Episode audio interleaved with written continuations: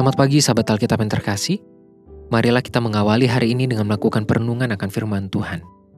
Bacaan Alkitab kita pada pagi hari ini berasal dari kitab Keluaran pasalnya ke-19 ayat 1 sampai ayatnya yang ke-6. Pada bulan ketiga setelah orang Israel keluar dari tanah Mesir, mereka tiba di padang gurun Sinai pada hari itu juga. Setelah mereka berangkat dari Rafidim, tibalah mereka di padang gurun Sinai. Lalu mereka berkemah di padang gurun Orang Israel berkemah di sana, di depan gunung itu. Lalu naiklah Musa menghadap Allah dan Tuhan berseru dari gunung itu kepadanya. Beginilah kau katakan kepada keturunan Yakub dan kau beritakan kepada orang Israel.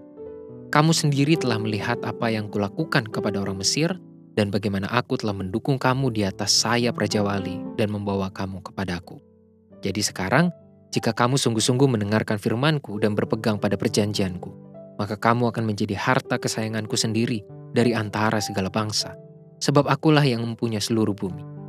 Kamu akan menjadi bagiku kerajaan imam dan bangsa yang kudus.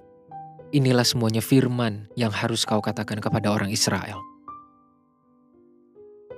Pada perikop ini Musa kembali menjalankan peran pentingnya dalam hubungan antara bangsa Israel dengan Tuhan. Secara khusus, Musa menjadi mediator perjanjian yang Tuhan bangun kepada bangsa Israel. Garis besar nilai perjanjian itulah yang muncul pada ayat 5 dan 6, yakni, Jika kamu sungguh-sungguh mendengarkan firmanku dan berpegang pada perjanjianku, maka kamu akan menjadi harta kesayanganku sendiri dari antara segala bangsa, sebab akulah yang empunya seluruh bumi. Kamu akan menjadi bagiku kerajaan imam dan bangsa yang kudus. Apabila kita terlalu cepat membaca dan menarik kesimpulan, besar kemungkinan kita akan memahami keenam ayat ini semacam tiket untuk mendapatkan apa yang kita inginkan ketika kita dapat memenuhi panggilan hidup kudus dari Tuhan.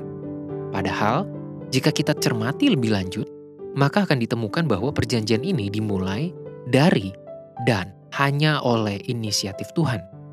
Manusia, dalam hal ini bangsa Israel, berada pada posisi yang ditawari inisiatif tersebut.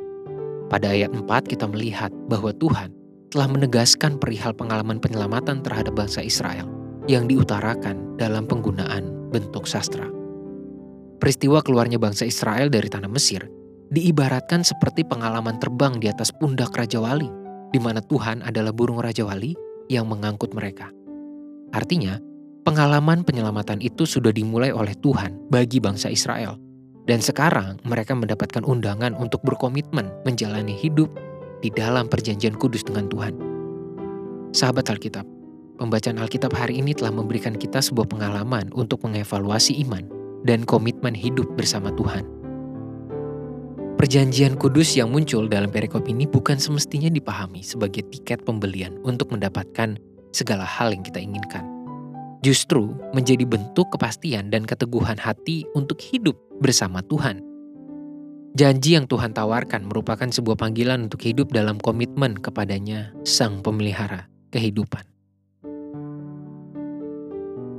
Marilah kita berdoa. Ya Tuhan, terima kasih untuk setiap inisiatif kasih Tuhan bagi kami. Dan juga Tuhan, terima kasih untuk semua tindakan dan karya penyelamatan yang telah Tuhan lakukan. Tolonglah kami untuk mampu menjalani relasi dan berkomitmen dalam ketulusan kepadamu. Biarlah kami mengikutmu hanya karena kami ingin selalu berada dan merespons kasih Tuhan.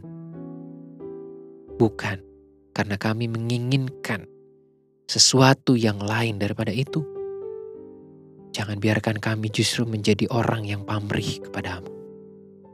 Tolong kami Tuhan, hanya di dalam nama Tuhan Yesus kami berdoa dan memohon. Amin.